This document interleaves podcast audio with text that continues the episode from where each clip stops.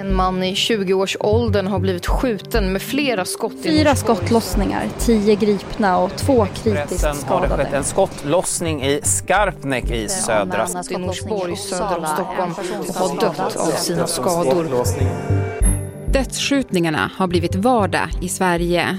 Och nu har brottsligheten seglat upp som en av de viktigaste frågorna inför valet. Den obehagliga sanningen är att Sverige blivit det land i Europa där flest dör av skottskador. Politiker från höger till vänster tävlar i att vara tuffast mot gängkriminella. Men vad tycker de egentligen olika om? Det här är en valspecial från Dagens Story där vi i sex avsnitt under våren tar oss an väljarnas viktigaste frågor. Jag heter Alexandra Karlsson. Det är fler som sitter i fängelse än någonsin tidigare. De sitter Varför säger i ni nej till utökad kameraövervakning? Varför säger ni nej? Omvänd bevisbörda. Hallå, vi har ett rättssystem i det här landet.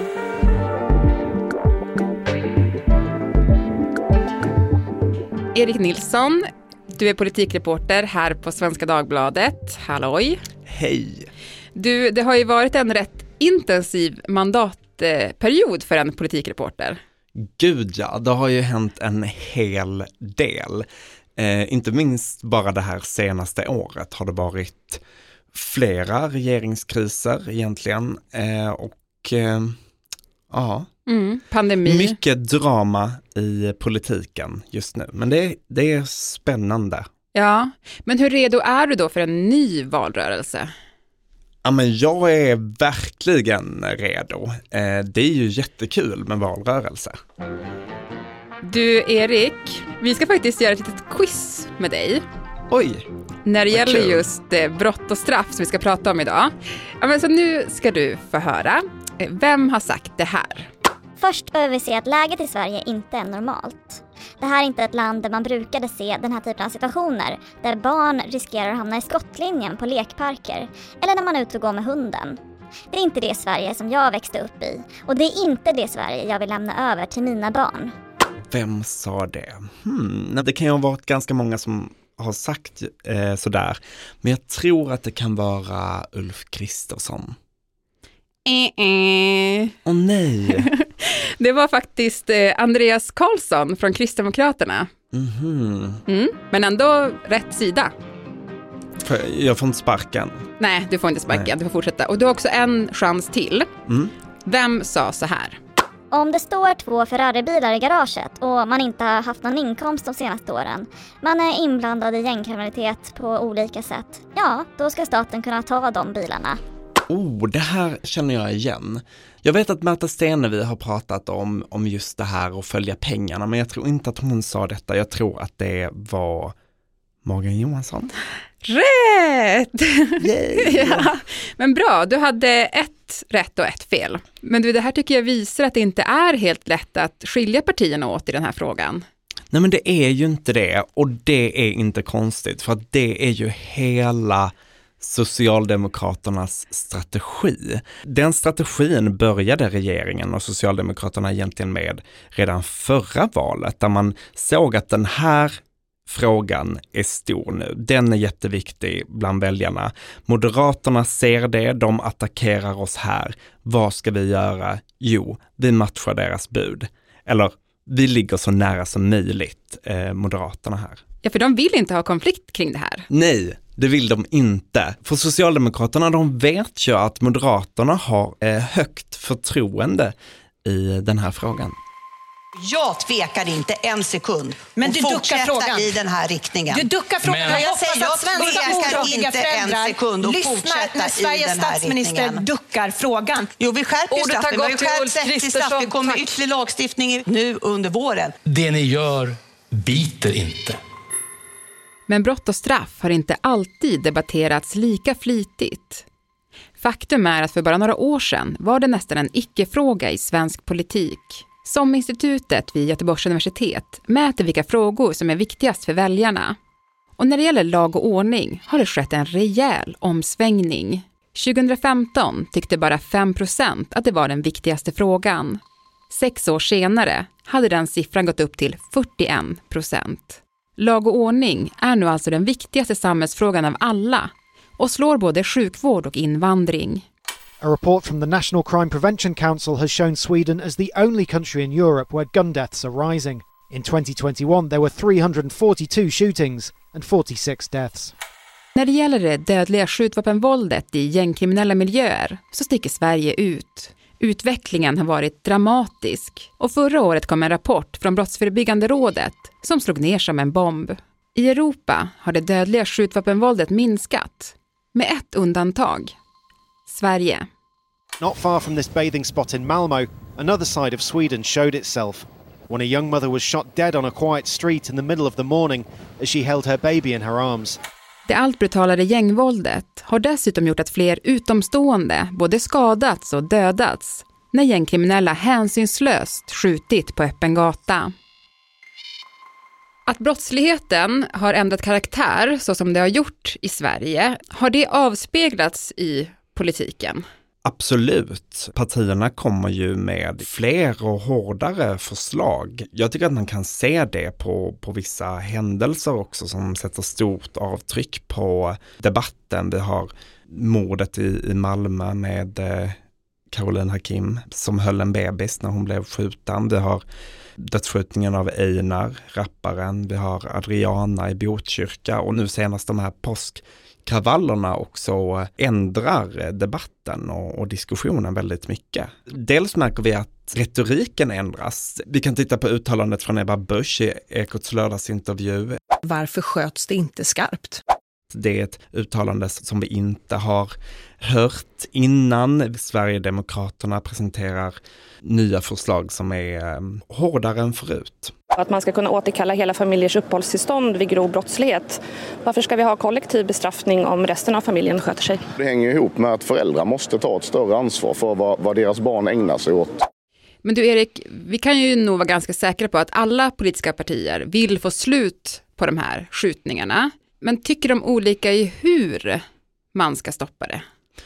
Man kan nog säga att eh, om man inte tror på hårda straff, då är man illa ute. För att det är liksom ganska bred konsensus om att det behövs. Sen är det lite skillnad var man lägger tonvikten. Om vi tittar på det som vi kan kalla högerblocket med Moderaterna i spetsen, då är det mer prat om hårda straff, fler poliser, den jargongen, medan man på vänsterkanten eh, ligger mer eh, tyngdpunkt på de förebyggande åtgärderna. Men om vi tar då det här med förebyggande arbete som du är inne på. Alltså polisen pratar ju mycket om att det är det förebyggande arbetet man måste lägga krut på och att hela samhället måste ta krafttag eh, för att få bort gängkriminaliteten. Det kan till exempel låta så här. Polisen tar ju hand om symptomen på det här men vi måste alla i hela vårt land hjälpas åt. Det är du och jag, det är socialjourer, det är skolor, det är idrottsföreningar, det är alla som, som vi måste satsa resurser på att avbryta tillväxten. För det kommer inte sluta bra det här om det hela tiden är en ökad tillväxt i kriminaliteten. Och det är ett problem för hela samhället. Polisen kan inte lösa det här själva, men vi gör vårt jobb. Men hur ser partierna då på förebyggande arbete? Ja, men det, det, finns ju ingen som säger att förebyggande arbete inte är viktigt. Sen när det händer de här väldigt exceptionella sakerna, grova brott, grova händelser, då hamnar ändå diskussionen lätt i ändå att hantera det akuta, som ju är just det här med hårda straff. Det är också där som oppositionen, högeroppositionen vill att diskussionen ska vara, så det är där som regeringen också angrips mest. Mm. Nu kanske du kommer tycka att jag är jättenaiv, Erik, men en sak som jag har funderat på är varför politiker inte sätter sig ner och gör en långsiktig plan för det här. Alltså man pratar med experter så säger de ju att det behövs jättemycket förebyggande åtgärder och det kan ta uppemot 20 år innan vi får bukt med det här problemet. Varför gör man bara inte en blocköverskridande överenskommelse? Man vill ju ändå ha en konflikt i den här frågan. Särskilt Moderaterna vill det och det kanske låter eh, cyniskt, men, men så är det ju faktiskt. Och de tycker ju ändå olika i, i den här frågan. Det hade inte varit helt eh, lätt ändå. Moderaterna vill ju gå längre än partierna på vänsterkanten. Mm. Några förslag som eh, ofta lyfts fram är till exempel visitationszoner som Moderaterna vill se, där man eh, vill ge polisen möjligheter att eh, visitera folk inom ett särskilt område, då ett utsatt område till exempel utan brottsmisstanke. Och sen har vi också anonyma vittnen som Moderaterna vill se, som Socialdemokraterna säger nej till. Mm. Om man ska lösa det här problemet så måste man ju också någonstans vara överens om vad orsaken är. Och där gör ju Socialdemokraterna en stor eh, grej av skolan och det de kallar marknadsskolan och hur det fria skolvalet bidrar till segregation som sen leder till gängbrottslighet. Medan eh, Moderaterna och Sverigedemokraterna pratar ännu mer om invandring och hur viktigt det är med en, en stram invandringspolitik för att eh, komma åt det här problemet. För jag förstår inte hur, hur man kan rösta på de som har ställt till det här faktiskt. Det för mig är det helt obegripligt. Vi måste stoppa pengarna. Människor som sitter i fängelse kan inte skjuta ihjäl en Nej, men Det är ännu människa. bättre om de inte skjuter till att börja med. Inte sant? Nu ska man vända på stenar. Alltså det, den enda stenen som ännu inte har vänts på det är Magdalena Anderssons egen regering. Vi ska krossa gängen. Vi ska inte krossa rättsstaten. Men du, debatten eh, kan ju vara väldigt upptrissad. Eh, det är valår, alla vill höras och vinna röster. Och du var lite inne på det tidigare. Men har du några utspel som du tycker har varit extra uppseendeväckande? Vi har ju det vi pratade om innan, eh, Ebba Buschs uttalande, vi har Jimmy Åkessons utspel. Men, men en sak som jag tycker är intressant som också visar på Socialdemokraterna och regeringens strategi är en presskonferens de hade för någon vecka sedan där de presenterade nya förslag inom eh, citationstecken. Den stora nyheten var att de vill införa så kallade ungdomskriminalitetsnämnder enligt dansk modell. Och då presenterar de det som, som ett nytt förslag när de i själva verket redan hade presenterat det här ett halvår innan, vilket många kanske hade glömt. Och, om man då frågar Moderaterna eller en, en, annan motståndare så, så visar detta ju hur regeringen vill verka väldigt handlingskraftig, lägga många förslag, vända på varenda sten. Men eh, egentligen så har man kanske inte så mycket att komma med. De politiska förslagen om skärpta straff duggar tätt. Men hittills har inget lyckats stoppa dödsskjutningarna. Det redan nämnda SOM-institutet vid Göteborgs universitet gör också mätningar på hur bra politik väljarna anser att partierna har i olika sakfrågor. Om man är statsvetare skulle man säga att det handlar om att ett parti har frågeägarskap.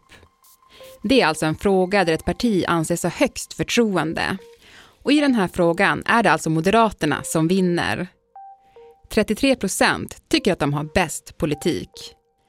På andra plats har vi Socialdemokraterna och Sverigedemokraterna som båda får 19 procent. Sämst politik tycker väljarna att Miljöpartiet har. De får bara 3 procent. En intressant aspekt är också att hela 34 procent säger att de inte har någon uppfattning om vilket parti som är bäst på lag och ordning. Har det gynnat Moderaterna att det har varit stort fokus på brott och straff? Inte så mycket som de själva hade hoppats på eller vill. Eh, och det tror jag kanske inte har så mycket att göra med just den här frågan egentligen, utan det har nog mer att göra med att andra frågor har dominerat ännu mer. Vi har pandemin och kriget i Ukraina som är två extremt stora kriser som gynnar, har gynnat sittande regering. Mm. Men är det ändå inte lite speciellt med tanke på att eh, Socialdemokraterna har haft regeringsmakten de senaste åtta åren, där också gängkriminaliteten blivit ett jättestort problem. Borde inte Moderaterna gynnas mer av det ändå? Jo, man kan tycka tycka det och, och eh, jag tror säkert att moderater sitter och eh, funderar över det här och undrar vad som pågår. För det är ju jättestora problem med segregation, med brottslighet, med gängkriminalitet. Det erkänner ju regeringen själva. Men man får väl säga att Socialdemokraterna har varit väldigt framgångsrika med att matcha Moderaternas förslag i, på det här området. Vi har ju också partier som ligger nära riksdagsspärren eh, och det är Miljöpartiet och Liberalerna. Hur påverkar det dem? Eh, de gynnas. Nej, jag skojar bara.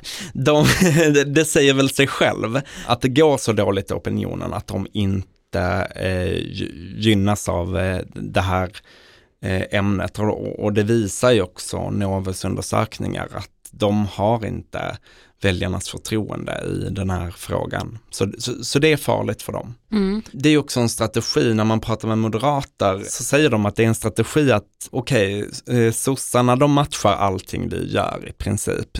Kanske ska vi då istället ge oss på Miljöpartiet och Vänsterpartiet som inte är lika sugna på att matcha varje bud i hårdare tag-racet. Eh, det man attackerar är lite hur, hur man som regering och som vänsterblock kommer att eh, hantera den här frågan. Mm. Du, Erik, finns det någon slags händelse som skulle kunna sätta allt det här vi har pratat om idag på ända? Det här året har ju varit det blodigaste året hittills på, på mycket länge när det kommer till eh, skjutvapenvåld och hur många som har dött där. Och eh, frågan är vad som kommer hända i, i sommar. Betyder det att det kommer bli ännu värre? Eh, det jag tror kan få stor betydelse är när någon eh, utomstående, någon som inte är med i ett gäng, drabbas. Man kan säga att de händelserna eh, får ju väldigt stor uppmärksamhet och tror jag kan ge mer bränsle och ny energi i den här frågan. Mm. Du Erik, om man vill höra mer från dig så kan man ju lyssna på din podd som du har tillsammans med stjärnan Inger Arenander när ni intervjuar partiledarna. Den heter Utfrågningen. Hur hittar man den? Den hittar man i där poddar finns. Eh, sök på politiken som är vår politikpodd och i det flödet så finns också de här partiledarintervjuerna. Toppen. Tack Erik för att du var med i Dagens Story. Tack. Dagens program producerades av Kajsa Linderoth. Redaktör var Erika Hallhagen och jag heter Alexandra Karlsson. Vill du kontakta oss så mejla till dagensstory.svd.se. I Sverige sedan en väldigt lång tid är det förbjudet att bedriva verksamhet med kriminellt syfte och det är det fortfarande och kommer vara även framgent. Klippen i programmet kom från Expressen, Aftonbladet, SVTs Agenda, TV4, Al Jazeera, France 24, SVT och Sveriges Radio. Med vapen i hand, med drogögon mitt i ansiktet